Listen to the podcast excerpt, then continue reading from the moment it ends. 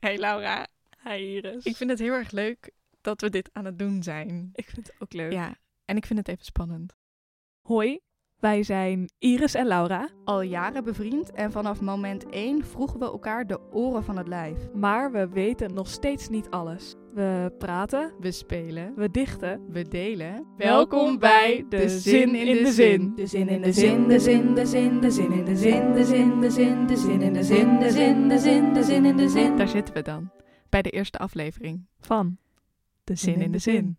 Ik ben heel erg benieuwd hoe jouw week was. Dus mijn vraag aan jou is, wat was je favoriete minuut van deze week? Ik had uitgekozen als favoriete minuut toen ik terugkwam van een best wel volle dag school. Veel dingetjes regelen, veel. was volgens mij op een maandag. Ehm, en toen regende het. En ik was naar huis aan het fietsen. En toen dacht ik eerst, oh, vervelend regen.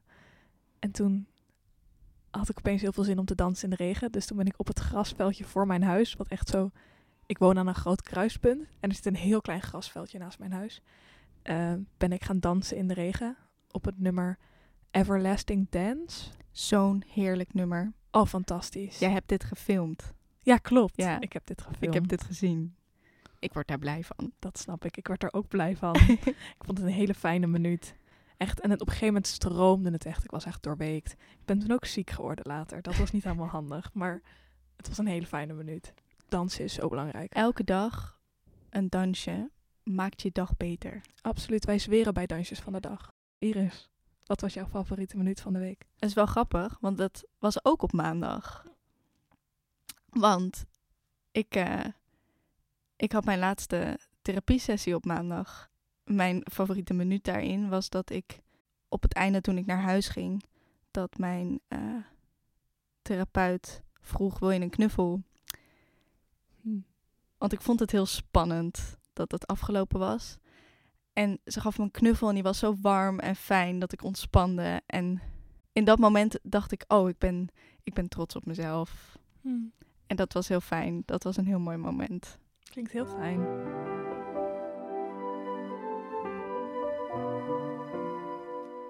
Wij hebben allebei een gedichtje geschreven om het begin van deze podcast te vieren en een beetje in te leiden.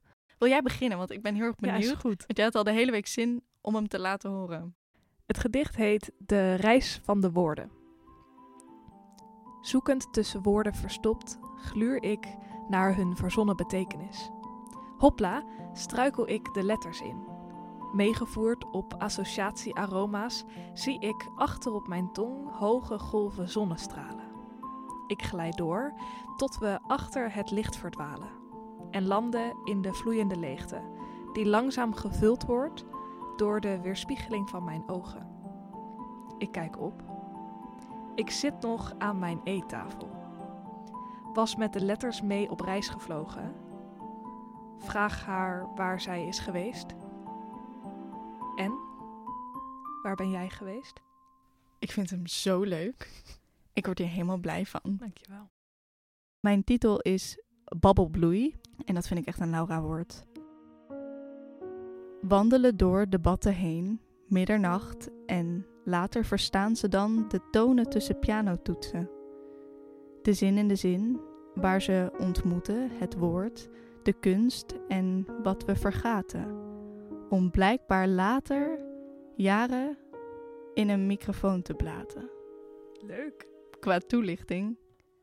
Dat we hebben elkaar, of nou niet ontmoet, maar we hebben elkaar leren kennen tijdens een debatwedstrijd. Eh, daarom begon het gedicht met wandelen door debatten heen. Wat is nou de zin in de zin? Elke week lezen wij ter voorbereiding een gedicht. En aan de hand van de inhoud bedenken wij beide een vraag voor de ander. Lieve Laura, mijn vraag. Oké.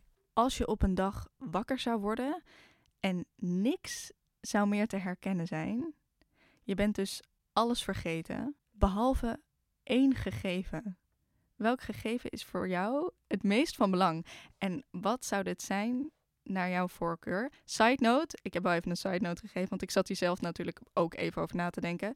Je weet nog wel hoe je kan bewegen, dus je spieren kun je aansturen en zo.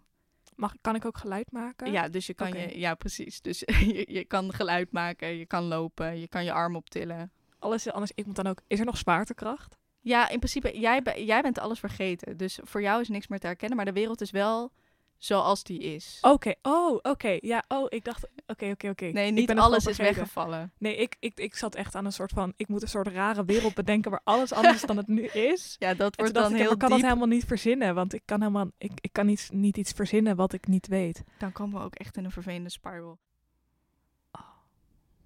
Het eerst, mm, Ja, wat was je eerste gedachte? Heb je een eerste gedachte? ik vind taal echt wel belangrijk. Ja. Uit kunnen drukken. Goh, ik hou van taal. Ik ben wel een vrij talig iemand, dus ik en ik hou van praten en dat. Dus dat, dat lijkt me fijn. En toen vervolgens dacht ik, ja, maar als ik alles vergeten ben, dus ook vergeten ben hoe je boodschappen moet doen en dat er winkels zijn en dat geld bestaat, dan wordt echt heel weird. Dan ben je echt een beetje raar in deze samenleving. Als je niet begrijpt dat je dat wat fietsen zijn en dat auto's bestaan. Ik ga heel praktisch. Want je zegt net taal. Ja. Wat dan van taal?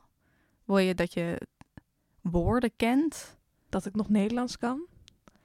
Maar tegelijk denk ik dan ook, dan ken ik het woord fiets, maar weet ik dan wat een fiets is? Snap je wat ik bedoel? Hoe zou dat zich uiten? Weet ik echt niet. Want ik vind het wel belangrijk om me uit te kunnen drukken, maar vervolgens denk ik ook ja. Maar als ik dan weet wat het woord fiets is, maar ik weet niet wat een fiets is. Dat is ook heel verwarrend, want dan heb je een hele hoop woorden in je hoofd waar je echt geen drol mee kan. Ik kan wel hele leuke gedichten mee schrijven. Ja, dat is zo. Ja. Maar ja, is dat nou het eerste wat je wil, gedichten schrijven? Ik bedoel, we vinden het hartstikke leuk, maar... Nee, dat zou niet het eerste zijn wat ik wil Nee. als, als, ik- als, ik, als mijn hele wereld anders is. Mag ik een vraag stellen? Ja. Ken jij iemand met dementie? Gekend. Wat was dan voor hun van belang? Vind ik moeilijk, want mijn opa heeft dementie gehad. Die is Mhm. helaas overleden. Maar ik heb niet het gevoel gehad alsof ik het daar met hem over kon hebben. Wat voor hem nog belangrijk was. Ik weet dat hij, hij werd heel angstig en heel achterdochtig. Hij heeft ook de- een deel van de Tweede Wereldoorlog meegemaakt. Dus daar kwam heel veel angst uit naar boven. Dus voor hem was stabiliteit en weten waar hij aan toe was heel belangrijk. Dus als er dan onbekenden binnenkwamen, wat dus soms ook ik en mijn moeder en mijn vader betekende, of mijn zus, dan kroop hij helemaal weg achter mijn oma, dus zijn vrouw, omdat dat eng was en dat vertrouwde hij niet.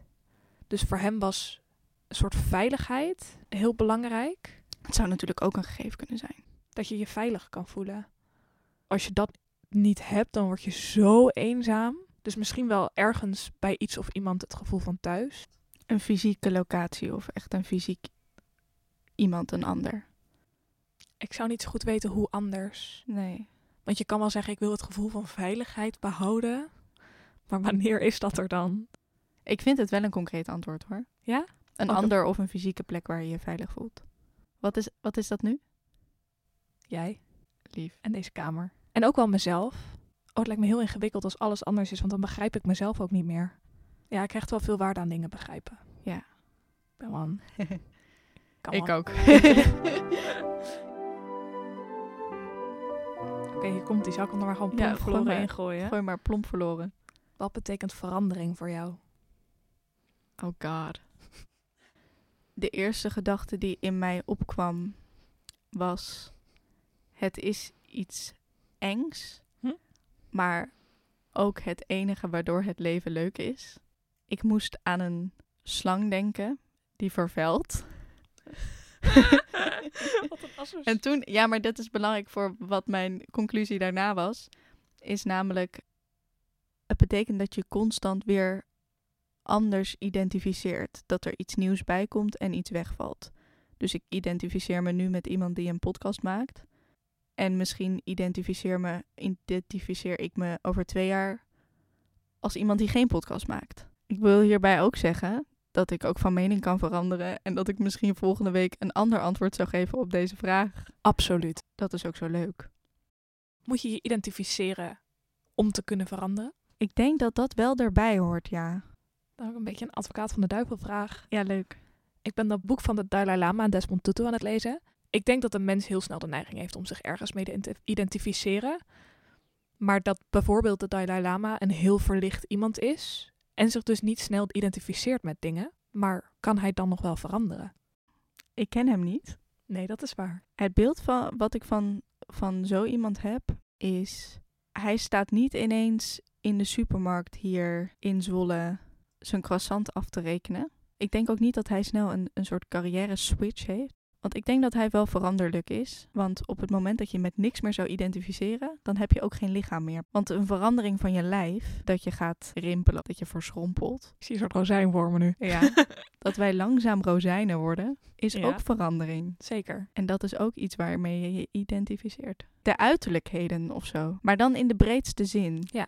Ik probeer bij de vaagheid weg te blijven, maar dat is best lastig. Ja, dat is best lastig. Ik vraag ook letterlijk naar wat een bepaald woord voor je betekent. Ja, dat is altijd een ingewikkeld. Dan kom je altijd op een soort wollige discussie uit. Ik vind het, wat ik wel altijd heel leuk vind van die vraag is dat, dat je ineens realiseert dat woorden ook maar een inkapseling zijn van de dingen. En dat het dus helemaal niet iets, eh, iets vaststaands is. En dat iedereen een andere betekenis aan één woord koppelt. Iemand zei ooit tegen mij, woorden raken vervuild. Het is ook zo leuk eigenlijk om met kinderen te praten daarom. Zeker. Die hebben namelijk nog minder associaties. Het is niet voor niks dat kinderen meer openstaan voor verandering. Zou je daarom vastgeroest raken als je ouder wordt? Omdat je woorden zijn vervuild? Ik denk niet alleen de woorden. Ik denk ook je, je, je meningen en je ideeën. Terwijl kinderen zijn heel... verwonderen zich heel veel en zijn constant onderzoekend, want ze begrijpen de hele wereld niet. De vraag was, wat betekent verandering voor jou, toch? Ja. Dat voor mij is het ook echt... Ik ga iets heel dramatisch zeggen. Daar komt ie. Sterven en geboren worden. Constant opnieuw. Dat dat ook de reden is waarom we het zo eng vinden. Want ergens zijn we allemaal bang om dood te gaan. Diep in de kern. Ergens. Wat gaat er dan dood? Eh, een stukje ego, een stukje. eh, ik, nou, bijvoorbeeld laatst, ik, ik heb altijd gezegd dat ik niet van friet hou. Ik, kan, ik word snel misselijk van aardappel. En dat heb ik nog steeds wel. Maar ik was altijd diegene die niet van friet houdt. En toen waren Laura en ik bij een frietkraam. En toen was ik zo van: Oh ja, ik wil wel een. eh, ik heb wel zin in een frietje. En Laura, Nou, ik keek, had het niet meer hoor. Laura had het niet meer. En die keek mij met grote ogen aan. En die dacht: Wat gebeurt hier?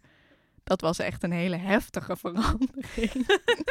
ja, dat was, eh, dat was nogal wat. Dus in dat moment was ik ineens niet meer diegene die niet van friet houdt. Want ik vond het best lekker. Het leven is zoveel leuker als je verandert. Echt waar. En ik verveel mij nooit met Laura. En ik blijf Laura altijd een fijn mens vinden. Omdat ik er altijd wil blijven leren kennen. Plus één. Absoluut. Want elke dag is ze weer een beetje anders. En dan vraag ik me af, wie is dat? Wie is dat? Wie is Wie zit dat? daar? Ik moet het weten. Nou, bij deze de boodschap. Neem de tijd om de mens tegenover je te zien. Leuk. Leuk. Het gedicht waaruit de vragen zijn ontstaan komt uit de bundel Door kale bomen bladeren. Een verzameling van gedichten van de poëziewedstrijd van Poem Tata. Het gedicht is titelloos, is van Rob Boudestein en is geboren in Den Haag. Hij was de weg kwijt. Nee, dit is geen metafoor. Hij was eenvoudig de weg kwijt. Hij was die ochtend gaan wandelen na de koffie. Of voor de koffie misschien. In elk geval, hij was gaan wandelen, want hij liep hier. Mensen reden voorbij. Sommigen keken om, maar niemand aan wie hij de weg kon vragen. Gaf ook niet, per slot, welke weg had hij moeten vragen. Later die dag bleken namen gewijzigd, bleek de stad opnieuw ingedeeld. Dat alles zonder enig bericht en zijn taal uitgestorven. Om er nog iets van te maken, besloot hij te applaudisseren voor het uitgelaten dansen van een groepje herfstbladeren.